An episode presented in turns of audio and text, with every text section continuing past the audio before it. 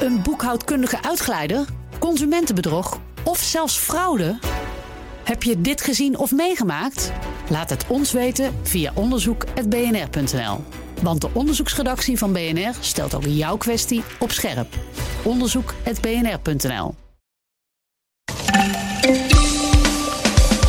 Het is vandaag Prinsjesdag en met politiek commentator Ulko Jonker maak ik de stand van de politiek en de stand van het land op. En een van zijn verwachtingen is dat als de formatie de komende dagen niet wordt losgetrokken, dat dan al snel de vraag of we verder kunnen met Mark Rutte weer op zou komen. Bedrijven barsten van de plannen waarbij ze overschakelen op groene waterstof, wat natuurlijk goed is tegen de klimaatopwarming. Maar als alle plannen die er nu liggen ook echt worden uitgevoerd, dan is alleen al voor het maken van die waterstof vier keer het huidige elektriciteitsverbruik van heel Nederland nodig. En de ruzie tussen Frankrijk en Australië over onderzeeërs kan ook gevolgen hebben bij ons. Dit is Nieuwsroom, de dagelijkse podcast van het Financiële Dagblad en BNR Nieuwsradio. Met het nieuws verteld door de journalisten zelf. Ik ben Mark Beekhuis en het is vandaag dinsdag 21 september. Het is echt, nee, het is echt ongelooflijk. Ik uh, kom net van het station. En uh, ik heb alleen maar politieagenten en politiebusjes gezien. Voor de rest uh, nauwelijks volk op de been. Nou, dus de relatie tussen de overheid en de bevolking is nog niet helemaal hersteld. Precies. Ik, ik, Ja. ik, ik dacht van, eh, dit, is dit niet symbolisch voor, eh, voor eh, hoe wij ervoor staan op dit moment? Dat we bijna een politiestaat aan het worden zijn. Ja. Laat ik onze opname starten met Hallo Ilko Jonker. Goedemorgen. Vanuit een zonovergoten Den Haag. Prachtig weer om met een gouden koets over straat te gaan, maar helaas. Ook dit jaar weer niet.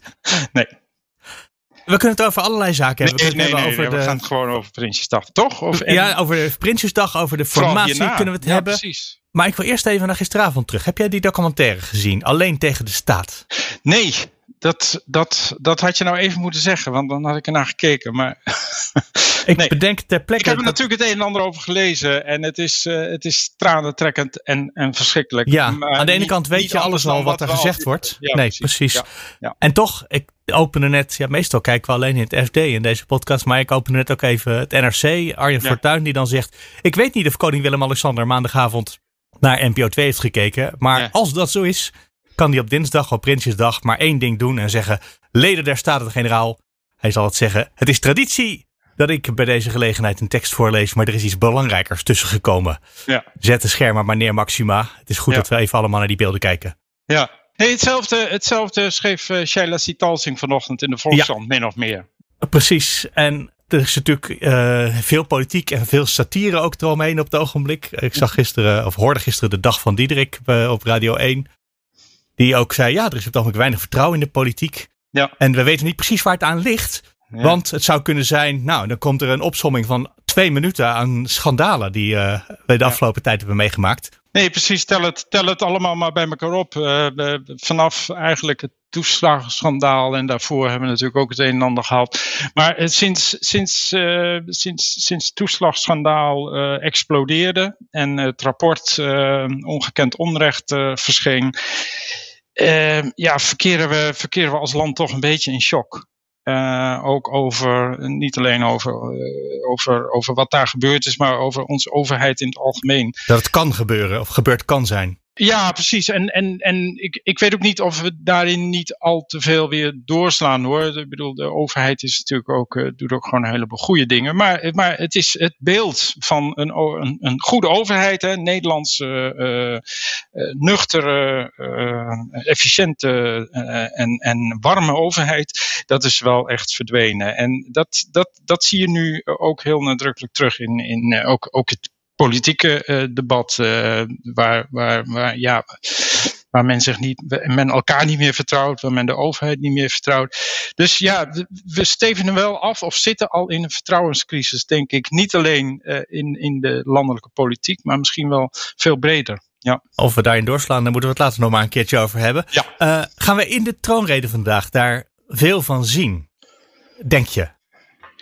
Ik denk dat, we daar, dat het onontkoombaar is dat daar, uh, dat daar in de troonrede ook woorden aan worden gewijd. Uh, het is sinds, sinds de laatste troonrede is, het, is, is, dit, is dit gepasseerd. Ehm, het kabinet is erom afgetreden. Ehm, er is veel, veel discussie over nog steeds. en vooral over ja, hoe, hoe, hoe gaan we dit repareren? En dat, dat, de, koning ontkomt er niet aan om als, uh, ja, toch als, als symbool van de natie uh, daar woorden aan te wijden. En ook, hoe moeilijk dat ook zal zijn, uh, toch, toch te proberen om daar recht te doen aan, aan de gevoelens die daarover zijn. en nou ja, goed, je, je hebt de columnisten gelezen, de sceptisch over wat, wat de koning wordt aangereikt Um, ja. door, uh, door de premier, die is al groot. Um, dus het kan alleen maar meevallen. oh, dat is pas cynisch. ja, ja, maar het zou nog waar kunnen zijn ook dat het meevalt. Want tot nu toe, ook als je bijvoorbeeld de reactie van uh, mevrouw Van Huffelen, de staatssecretaris na afloop van die documentaire, dan weer ziet op Twitter. Ja. Die dan zegt, ja, dit is mijn belangrijkste motivatie. Daar gaat het natuurlijk niet om dat het haar motivatie is. Het gaat om dat die mensen geholpen worden. Ja. Uh, ja. Nou, nou, zijn er heel veel mensen geholpen inmiddels hoor. Um, en, en, natuurlijk laten we altijd de mensen nog zien die niet geholpen zijn of die tussen wal en schip zijn gevallen. En, uh, maar maar het, blijft, het blijft ongekend onrecht. Daar hoeven we niet omheen te draaien. Ja, ja dat klopt. Um, en toch, het zit in het hart van uh, de vertrouwenscrisis waar we het ogenblik in zitten. Waar je, mm Die je net ook al beschreef aan de hand van de, de politiemensen voor de deur. Daar zit ook iets in wat alsof dat, en misschien nog wel het vertrouwen tussen de partijen ook, maar de hele politiek in Den Haag heeft lam gelegd. En dat is ook meteen de, een bruggetje naar het artikel wat jij geschreven hebt van vandaag. Ja. Ik zal de, de, de kop boven het artikel maar gewoon even lezen. Alle seinen staan op groen voor grootste daden. Maar mm -hmm. de politiek is verlamd. Ja. Ja. Waar zit dat? Uh, jij hebt vooral naar de economische kant gekeken in jouw stuk. Nou ja, ik, heb, ik, ik kijk natuurlijk bij het FD kijken we, kijken we ook naar de economische kant. Maar de economische kant kun je niet los, los zien. En dat is ook nadrukkelijk wat, wat uh, uh, Bas Jacobs, die ik in het stuk aan het woord laat, ook zegt. Je kunt het niet loszien van elkaar. Je kunt de politieke verlamming niet loszien van ehm, de economische gang van zaken. Van, van de, het potentieel voor economische groei wordt gehinderd op dit moment doordat alles uh, min of meer uh, uh, bevroren is. als het gaat om hervormingen, als het gaat om aanpak van een grote crisis. Bas, Bas Jacobs zei dat vond ik wel, wel frappant. Hij zei van ja, die hele klimaatcrisis. Als het gaat om wat Nederland kan doen, dan is dat in feite een peulenschil. Dat is, we, we, doen daar heel ingewikkeld over, maar het is een peulenschil als je dat beleidsmatig vergelijkt met um, de coronacrisis. Als je kijkt hoe, ah, hoe ja. dat, als, als je kijkt hoe we dat hebben aangepakt, hoe diep onze zakken bleken te zijn, hoe groot onze daadkracht bleek te zijn, hoe sterk ook de cohesie in de samenleving, uh, daar kun je inmiddels wel wat op afdingen, maar hoe, mm -hmm. hoe sterk dat was, hoe, hoe, hoe uh, ja, hoe, hoe die, die groot die daden waren die er toen, uh, die er toen werden verricht, um, dan, dan, dan zegt hij van kijk, als de politiek zou willen en als de politiek het zelfvertrouwen zou hebben om om, dat, om die modus vast te houden, dan zouden er opnieuw grootse daden kunnen worden verricht. Uh, en dan praat je over klimaat, maar je praat ook over hele banale hervormingen, zoals het belastingstelsel. Je praat over de arbeidsmarkt. Uh, je praat over de woningbouw, de woningcrisis, waar we het nu ook over hebben.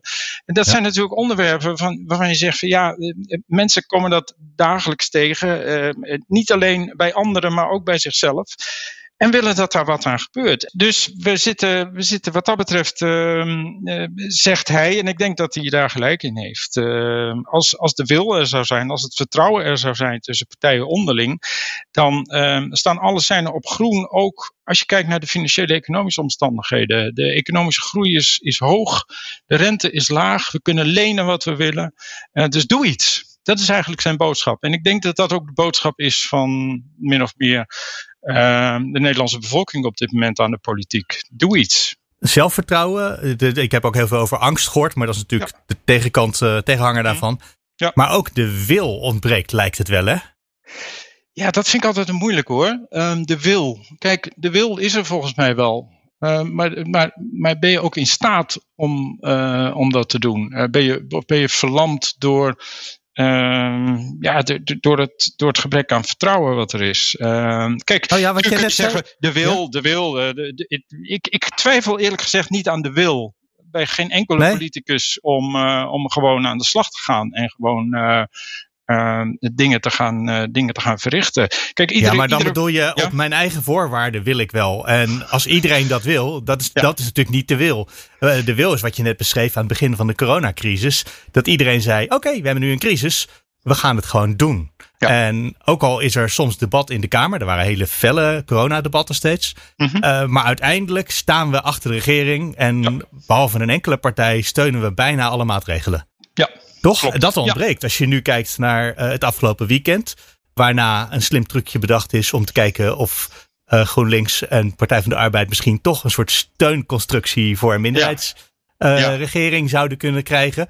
Waar die twee partijen niet intuinen. Maar je kan ook zeggen waar zij ook vervolgens weer geen zin in hebben omdat ze doen, niet willen. Je, zo, je kunt er twee kanten in uh, opredeneren inderdaad. Van nou, we gaan via een omweg gaan we toch uh, sneaky uh, proberen om steun te krijgen van GroenLinks en PvdA. Ja, terwijl we ze niet aan tafel willen om echt over regeren, meeregeren te praten.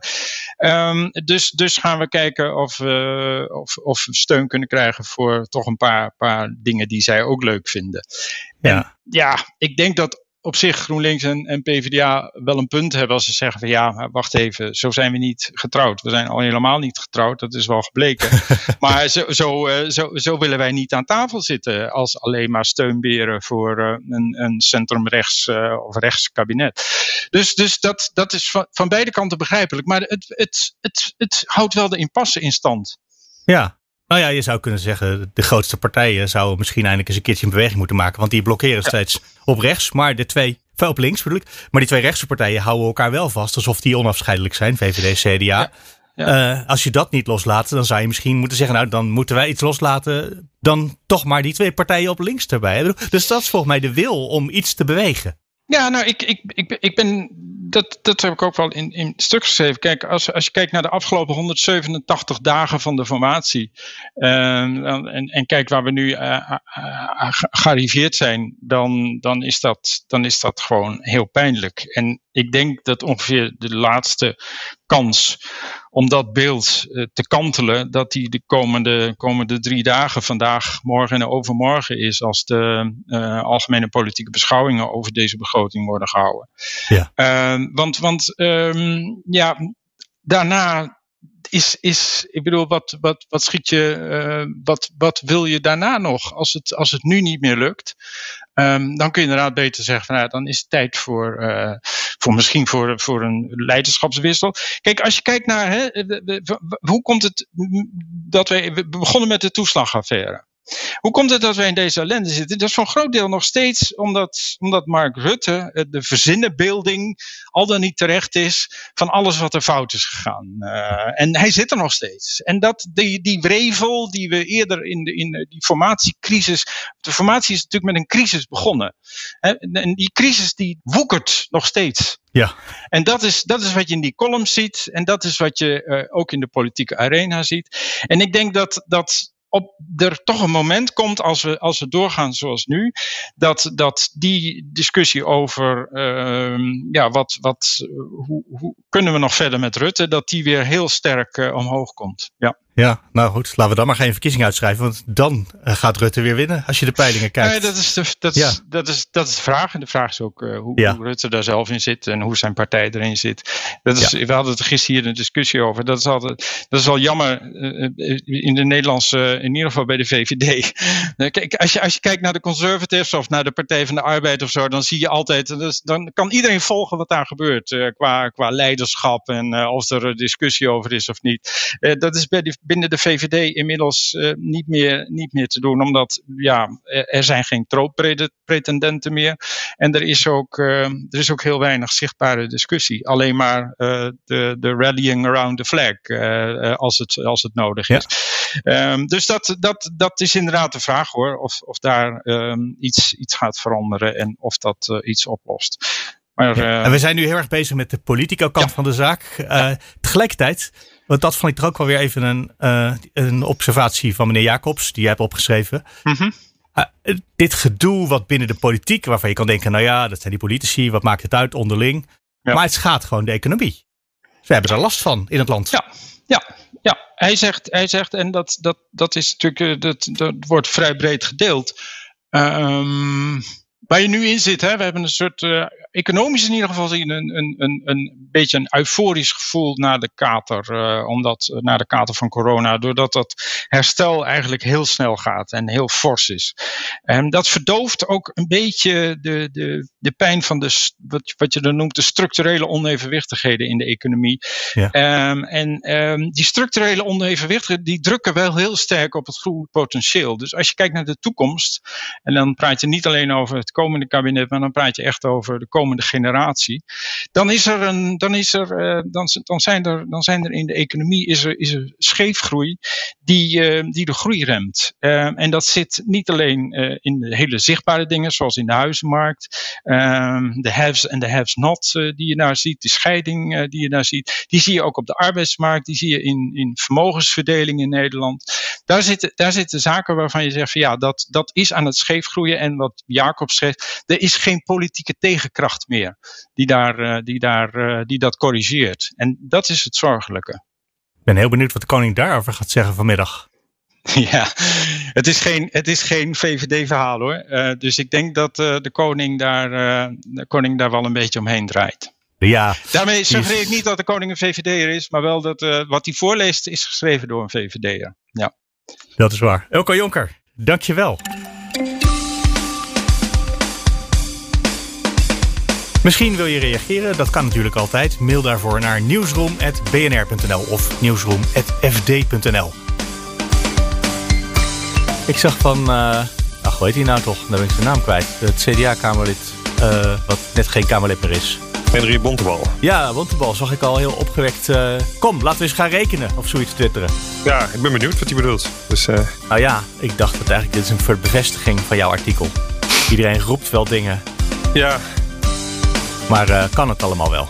Nou ja, dat was ook de, de aanleiding ja. voor dit stuk. Om al die plannen denkt van nou ja, hoe, hoe, uh, hoe gaan we dat doen? Het is wel heel veel uh, ambitie en wensdenken. En iedereen denkt dat het maar kan. Maar echt, hoeveel winst heb je gewoon nodig als je dit wil gaan doen? Gewoon even een gedachte-experiment. Dus dat is de aanleiding, ja. Nou, dat is een hele mooie introductie op het gesprekje wat we gaan hebben. Bert van Dijk van het Financieel Dagblad. De kop boven het artikel is geworden: waterstofplannen vragen vier keer zoveel stroom als totaalverbruik in Nederland nu. Ja. Dat klinkt in door dat dat zeer ambitieus is. Ja, dat is het ook, denk ik. En dat is ook, eh, nou ja, dat was ook een beetje de reden om dit stuk te schrijven. Uh, ja, ik krijg elke dag bijna wel een persbericht over nieuwe waterstofplannen. Er zijn alleen al 150 pagina's aan plannen die, die je kunt vinden bij de topsector energie, die allemaal met waterstof te maken hebben. En er zijn allemaal plannen die, ik geloof op één na, allemaal haalbaarheidsstudies, allemaal intenties.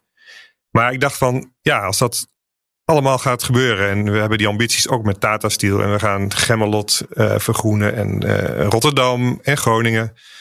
Uh, en we willen dat ook echt allemaal groen doen. Hoeveel heb je dan nodig? Dus dat was eigenlijk een, een vraag en die, daar ben ik voor een beetje gaan rondbellen om dat inzichtelijk te maken. Om te laten zien, want ik wist natuurlijk wel dat dat best wel veel groene energie zou gaan vergen. Ja, als ik het zo hoor, dan kunnen eigenlijk alleen de eerste 40 pagina's uh, qua haalbaarheidsstudie uh, er doorheen komen. Ja, nou ja, kijk, en er zitten natuurlijk allerlei nuances in. Want ja, we, we gaan het natuurlijk nooit allemaal zelf maken. Dat, was ook, dat is ook helemaal niet de bedoeling. En een deel zal blauwe waterstof worden. En er zullen andere technieken nog komen. Maar goed, het, uh, je hebt wel echt gigantisch veel groene energie nodig. En dat komt op het moment dat wij zelf, zeg maar, ons hele elektriciteitsnet is nog heel fossiel. Dus je, eigenlijk zou je willen dat je dat eerst vergroent. Voordat je extra uh, elektriciteit gaat uh, vragen. Dat ons systeem fossiel is, dat weten we waarschijnlijk ja. wel. Dat we leven van. Uh, ja, niet, de meeste mensen leven niet van groene stroom. Hoewel het wel natuurlijk elk jaar meer wordt. Ja, maar bijvoorbeeld nu, as we speak, zeg maar, de, de gasprijzen zijn heel hoog. De, het is redelijk windstil dit jaar. Dus de kolencentrales en de gascentrales in Nederland draaien gewoon uh, volop. Dus wij zijn, ondanks alle investeringen, hebben wij dat heel hard nodig nog steeds. Dus je zou willen dat je dat eerst, dat je eerst de kolencentrales kwijtraakt, en dan de gascentrales. En dan uiteindelijk, als je een heel groen elektriciteitssysteem hebt, uh, nou ja, dat je dan gaat beginnen met groene waterstof. Maar goed, ja. dat is niet wat iedereen wil. Tata Steel heeft nu gekozen voor de waterstofroute. En die had ook kunnen besluiten om wat ze nu doen al te gaan afvangen. Dan, ja, per saldo voor het klimaat ben je dan denk ik in het begin beter af. Uh, want nu blijven ze dat uitstoten en ze gaan een deel wel afvangen, maar een deel ook niet. Ga je even vertalen. Tata Steel draait nu voor een groot stuk op gas en daar zouden ze de CO2 uit de lucht kunnen halen. Ja. Uh, maar in plaats daarvan besluiten ze om de fabriek helemaal om te bouwen naar waterstof. En dan willen ze ook groene waterstof. Wat dus waterstof is die met elektriciteit en dan ook nog groene stroom wordt gemaakt. Klopt. ja. ja. Want dat is natuurlijk, er zit heel veel jargon in wat wij nu bespreken. Ja. Wij hebben het er vaak over, dus inmiddels ben ik eraan gewend. Ja. Um, want je zou natuurlijk kunnen zeggen, nou ja, we beginnen alvast met grijze waterstof. Uh, dan kan je die fabriek alvast ombouwen. Dan heb je nog niet het voordeel dat het groene waterstof is. Maar je bent daarna wel, ja, waterstof is waterstof. Hoe je het gemaakt hebt, maakt niet uit of je het maakt van aardgas of dat je het maakt op basis van elektriciteit. Uh, die fabriek van Tata draait daarna even goed. En dan, uh, ja, dan kunnen we wel alvast aan de slag. Ja, maar goed, ja. ja. die, dat is, ligt zeker ook bij de milieubeweging allemaal moeilijk. Die vinden dat je dan te lang een soort lock-in krijgt. Dus dat betekent dat je te lang afhankelijk uh, blijft van fossiele brandstoffen. En ja, die willen eigenlijk het liefst gewoon over naar groene waterstof. Maar goed, als je dat inderdaad wil, dan moet je zulke gigantische hoeveelheden groene stroom gaan, gaan bouwen. Dat dat, ja, dat, dat neigt toch wel naar, naar um, irrealisme bijna. Dat tenminste als je het allemaal zelf wil gaan maken.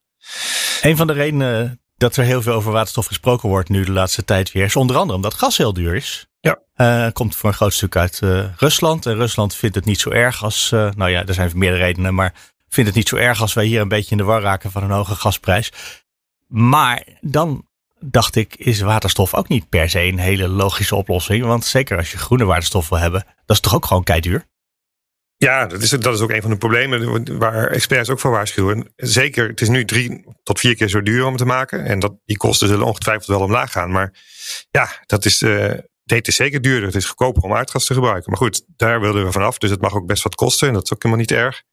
Maar uh, ja, we gaan het straks wel uh, mogelijk importeren uit, uit allerlei landen heel erg ver weg. Rotterdam is bezig met Chili, met Australië, met Zuid-Afrika, met Oman. Ja, dat wordt uiteindelijk gewoon net als aardgas een, eh, een product dat we uit de hele wereld gaan halen. Ja, en wat hebben ze in al die andere landen dan niet nodig? Willen ze daar ook niet over op groene waterstof?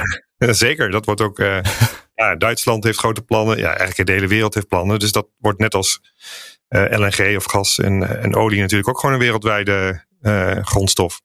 Waar dus iedereen... gaan we daarmee de wereld over slepen. Ik dacht, de afgelopen tijd hoor je natuurlijk heel veel. Nou, dan zetten we zo'n groot windpark op de Noordzee. Ja. En dan alle niet gebruikte stroom, bijvoorbeeld s'nachts, daar maken we dan waterstof van. Maar dat levert waarschijnlijk niet in de buurt op van wat we nodig hebben. Nee, en er zijn natuurlijk ook plannen om hele grote windparken te bouwen. Dat, onder andere ook eh, Shell heeft dat. Uh, en met de gasunie in, in het noorden heeft die plannen.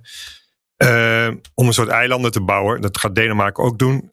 Enorme eilanden in de Noordzee waar je grote windparken op aansluit. En op die eilanden bouw je de electrolyzers. Dus de fabriek waarmee je die groene stroom omzet in waterstof. En die kun je dan rechtstreeks vanaf dat eiland per schip uh, afvoeren. Dus dan is er geen verbinding meer met het elektriciteitsnet. Dus dan gebruik je echt de windmodus om die uh, waterstof. Ja, puur en alleen. Dat gebeuren, ja. Ja, dat kunnen we hier natuurlijk ook gaan doen. Ja, dus het zal echt een combinatie worden. We gaan het zelf maken, maar we zullen ook een heel groot deel gaan importeren. En de grote vraag is, ja, hoeveel wordt dat? En ja, dat uh, is heel moeilijk te zeggen, omdat we ook niet precies weten waar we straks allemaal waterstof voor gaan gebruiken. Dus dat blijft wel een heel moeilijk verhaal. Maar het feit is dat we echt heel, heel erg veel nodig zullen hebben.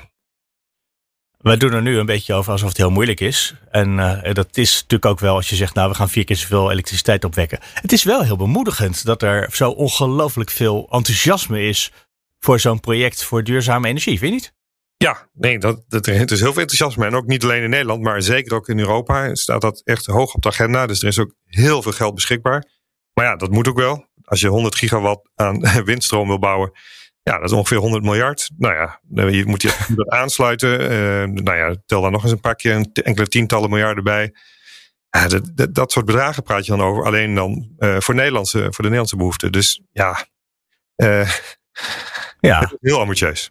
Nee, maar ik probeer ook het positieve ervan te zien. Ik bedoel, vandaag wordt er een miljoenennota gepresenteerd. En uh, daar staan ongetwijfeld weer een paar, nou, misschien wel een paar miljarden uh, in voor allerlei klimaatplannen.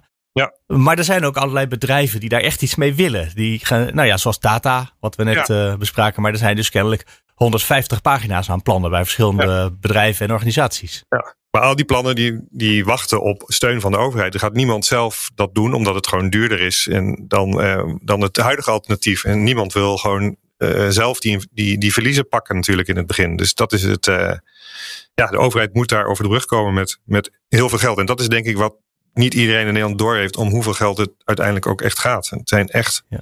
gigantische bedragen die, die straks op tafel moeten komen.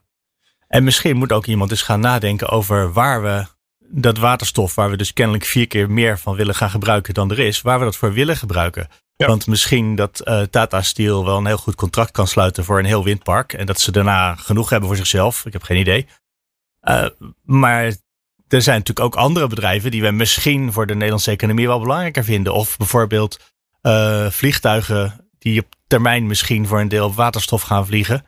Ja. Dat zou natuurlijk, misschien vinden we dat wel belangrijker dat we vliegverbindingen houden dan staal kunnen maken hier. Ja, dat is toch iets waar de overheid zo over moet gaan nadenken dan, hè? Ja, maar goed, dat de overheid ja, dat heeft natuurlijk de afgelopen jaren vooral gestuurd op het zo snel mogelijk uitbouwen van hernieuwbaar. Mhm. Daarvoor subsidies gegeven. Maar ze hebben in mijn ogen niet heel erg sterk nagedacht over een soort lange termijnvisie. Wat is het energiesysteem in 2050? Hoe moet dat eruit zien? We willen, dat moet CO2-neutraal zijn, maar uh, ja. Niet ingekleurd. Nee, dat hebben ze niet ingekleurd. Want je zou bijvoorbeeld, wat ook bijvoorbeeld in Engeland gaat gebeuren uh, op termijn kleinere kerncentrales kunnen gebruiken. die je alleen maar gebruikt voor het maken van waterstof. Dat vergt weinig ruimtebeslag. Het is mhm. CO2-neutraal. Dus er zijn allerlei opties die, nou ja, überhaupt niet, niet in beeld zijn. maar waar je in principe wel uh, prima onderzoek naar zou kunnen doen. Ja, zolang uh, groene waterstof hartstikke duur is, is dat misschien nog wel iets wat uit kan ook, zo'n kerncentrale die alleen maar waterstof maakt geen idee. Je moet die berekeningen gaan maken en dan blijkt of dat kan of niet. En hoeveel er uh, subsidie voor nodig is en of dat afweegt tegen de andere alternatieven. Maar ja, er wordt nu wel heel makkelijk gedacht van we bouwen 100 hierop. nou ja, het wordt niet heel makkelijk gedacht. Maar dat is wel wat je uiteindelijk nodig hebt in, in de huidige route die Nederland is ingeslagen. Dus. We gaan eens kijken wat de regering daar vandaag uh, de koning over laat uh, zeggen. Precies, ben benieuwd. Of zouden ze het helemaal niet benoemen? Nou, er zal zeker iets over het klimaat uh, worden gezegd, denk ik. Dat kan niet anders. Zeker als er ook hè, die berichten dat er 7 miljard extra voor klimaat komt. Uh, door een dimensionair kabinet, dan moet iets. Uh, dat ja, dat is waar. Worden. Die zin, daar kunnen we naartoe leven. Ja. Bert van Dijk, dankjewel. Graag gedaan. Die kunnen ook met subsidies en, en nou ja, kunnen die ook alle, allerlei ingewikkelde trucs uithalen. Oorspronkelijk heette het de Direction des Constructions Navales. Kijk, mooi Mark. Mooi, en een mooi Frans ook. Mooie uitspraak. Ja, ik heb geen idee. Ik ben geen decennia geweest. Maar um, laten we daarmee beginnen met hallo Casper de Gelder. Goedemorgen Mark. Hallo. We waren al verhit in gesprek over uh, onderzeeërs. Franse onderzeeërs. En dan denk je natuurlijk meteen aan Australië en aan de Amerikaans-Brits-Australisch-Franse ruzie. Diplomatiek, politiek, uh, hoogoplopend. Zeker. Maar het verhaal waar we het over gaan hebben, dat gaat over Nederland. Ja, dat klopt helemaal. Want een van de grote pijnpunten in deze hele ruzie hè, tussen Frankrijk en Australië, dat is dus uh, de aankoop van dus 12 nieuwe onderzeeërs. Mm -hmm. Dat gaat over tientallen miljarden euro's, waarschijnlijk ongeveer 35 miljard. Nou ja, dus dat gaat over heel veel geld en dus daar zijn de Fransen boos over. Want ja, die blijven nu hè, uh, nou ja, uh, eigenlijk met deze onderzeeërs zitten. Al moeten ze nog wel worden ja, gebouwd. Ze zijn nog niet gebouwd. Nee, deze precies, deze precies. omzet komt er niet aan. Maar goed, uh, en nou ja, min of meer toevallig is dus ook is de Nederlandse defensie bezig om dus, uh, om dus de Nederlandse onderzeeboten te vervangen. En die order die wordt waarschijnlijk ergens in het komende half jaar wordt je gegund. Hè, die aanbesteding loopt nu. Er zijn drie spelers nog op de markt. En dus de Franse Naval Group, ja, dat bedrijf wat aan Australië zou gaan leveren. Precies. En het Nederlandse Dame, in combinatie met Saab. En het Duitse ThyssenKrupp. En dat gaat om maar hoeveel Nederlandse aan, hoeveel onderzeeërs willen we hebben in Nederland? Vier. Vier. Vier. Onder, ja, ja, ja. Een derde van wat Australië van plan was. Ja, ja, ja, precies, precies. Maar goed, uh, ja, en de orde voor Australië, hè, dat ging dus om, uh, nou ja, en, en laten we zeggen 35 miljard euro. Deze order gaat dan, hè, als je dat eventjes deelt door drie, nou ja, dat zou ook heel goed om dus, uh, nou ja, om dus ongeveer 10 miljard euro kunnen gaan. En, uh, dat zijn bedragen. Precies, precies. En dit zou op zich los van elkaar kunnen staan. Maar het verhaal wat ik bij BNR hoorde vanmorgen bracht heel duidelijk een link aan. Alsof de Fransen die dingen al op de toonbank hebben liggen. En uh, ja, nu de Australiërs het niet willen hebben, misschien dat de Nederlanders ons kunnen helpen. Ja, precies, precies. Nou ja, en dus zo duidelijk is het natuurlijk niet. Maar goed, het punt is wel, deze deal uh, met, tussen de Fransen en Australië is al vijf jaar geleden gemaakt. Dus de, ja, dus de Fransen waren, ja, en die zijn er wel echt al druk bezig. En dus met dus de ontwikkeling van deze, van deze onderzeeërs. En ze zijn er wel echt mee bezig. En ze doen dus ook mee aan dus deze Nederlandse aanbesteding. Um, nou ja, en als je dan bedenkt hè, dat ze nu dus dan een mega-order zien verdwijnen, dan komt er binnenkort dus nog een kans op een grote order. Ja, dan kan je je wel voorstellen dat de verwachting is hè, dat de Fransen heel hard gaan lobbyen nog veel harder. Om dus inderdaad deze aanbesteding aan de Fransen te gunnen. En ook Emmanuel Macron, de verwachting is wel dat dus ook Emmanuel Macron, eh, ja, dat hij hier wel keihard voor, eh, ja, eh, heel hard voor gaat vechten. Te meer omdat ook de Fransen, die hebben ja, door deze afgeketste deal enorm gezichtsverlies geleden natuurlijk. Die zijn echt in het pak genaaid. Dus er staat ook wel een stukje prestige op het spel. Ja, en dat zouden ze kunnen willen compenseren in Nederland. Kan me ietsje bij voorstellen. Dat zou slecht nieuws zijn voor Damen. Dat meestal, Damen Shipyards, dat meestal de schepen voor de Nederlandse marine bouwt. Hè? Ja, nou ja, dat is inderdaad wel een van de belangrijke spelers, absoluut. En um, ja, Dame is natuurlijk inderdaad een bedrijf, hè, uh, is daar samen met Saab, dat is ook een hele grote speler uh, op, dit, uh, op dit gebied. Nee, klopt, Dame is een, ja, is een hele belangrijke partij. En ook dus de huidige generatie, en dus de huidige generatie onderzeeboten, die is ook recent nog door Dame gemoderniseerd. Dus inderdaad, mm -hmm. ja, ja, dus in, in, inderdaad, in die zin is Dame wel een soort van, uh, laten we zeggen, hofleverancier. En niet zo gek, want het, zijn, uh, het is een bedrijf uit Nederland voor de Nederlandse marine. Dat kan me voorstellen ja, dat ja, daar een lichte voorkeur voor bestaat. Zeker, ik, uh, die voorkeur die zal er zijn. Maar goed, er zijn natuurlijk ook allerlei uh, Europese aanbesteding, aanbestedingsregels waar ja. je aan moet voldoen. Uh, die, die zijn er. ja, en ook natuurlijk, ja, als er partijen zijn die het echt veel beter kunnen doen of veel goedkoper, dan, ja, dan, dan, dan is het natuurlijk ook handig om daar naar te kijken. Nee, dan kom je dus inderdaad in de kluwen en terecht van met dit soort nieuwe schepen is natuurlijk ongelooflijk moeilijk om te zeggen wat is nou beter. Hè? Uh, en de discussie die hier speelt is ook een beetje te vergelijken met dus de discussie uh, eigenlijk rondom dus de JSF's.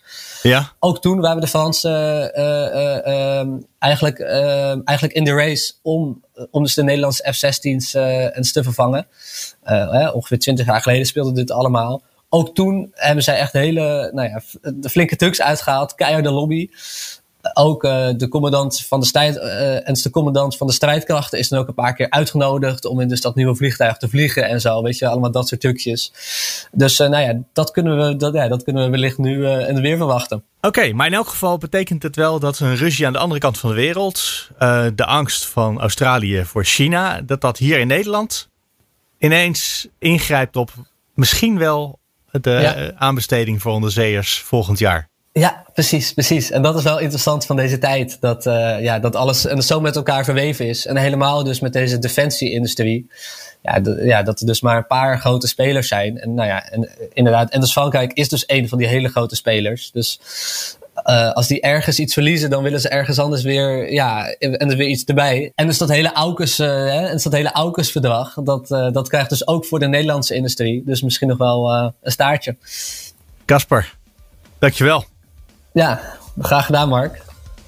En dat was hem voor vandaag. Morgen zijn we er weer.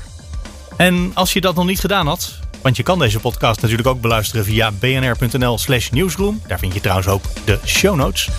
Dan wil je je misschien abonneren op deze podcast. En dat kan ook weer op die plek bnr.nl slash nieuwsroom. Of kijk even in je podcast app en zoek daar naar nieuwsroom en BNR. Dat is waarschijnlijk handig, want vind je allemaal internationale podcasts. Morgen zijn we er weer. Dan kan je ons weer horen op de radio in het podcastuur. Als podcast op bnr.nl slash nieuwsroom. Waar het ook wordt. Graag tot morgen.